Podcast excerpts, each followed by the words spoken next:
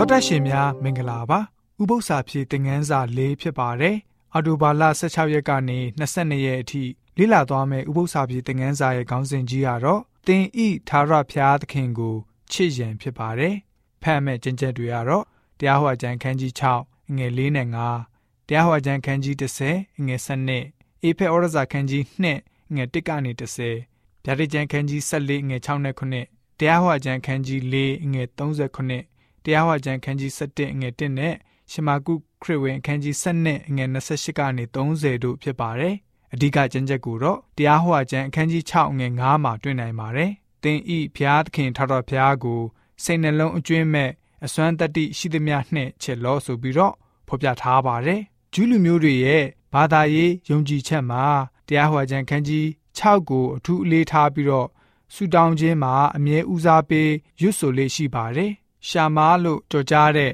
ဟေဘဲဝဟာရဆူတောင်းချက်အရရှာမဟာ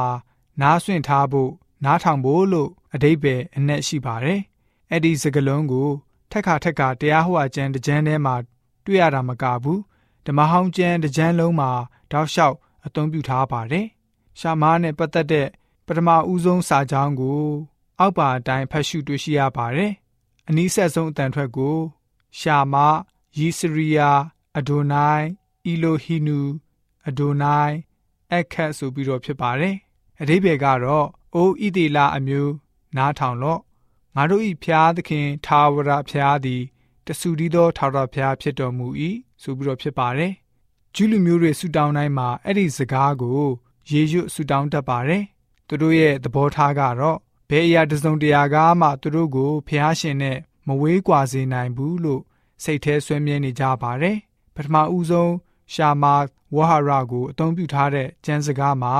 အဒိုနိုင်အီလိုဟီနူဟာဆိုရင်တဆူဒီသောဖျားရှိတော်မူကြောင်းကိုအတည်ပြုထားတဲ့စကားရက်ဖြစ်ပါတယ်။ငါတို့ဤဖျားသခင်ထာဝရဖျားလို့အနက်ရှိပြီးတော့ဣသေလလူမျိုးတွေဟာအဲ့ဒီဖျားကိုဂုံပြုချီးမြှောက်ကြပါတယ်။အခြားနတ်ဖျားတွေလုံးဝမရှိဘူးလို့သဘောထားခြင်းကိုဖော်ပြပါတယ်။အဲ့ဒီထာဝရဖျားဟာငါတို့ရဲ့ဖျားဖြစ်တော်မူတယ်လို့လည်းပဲ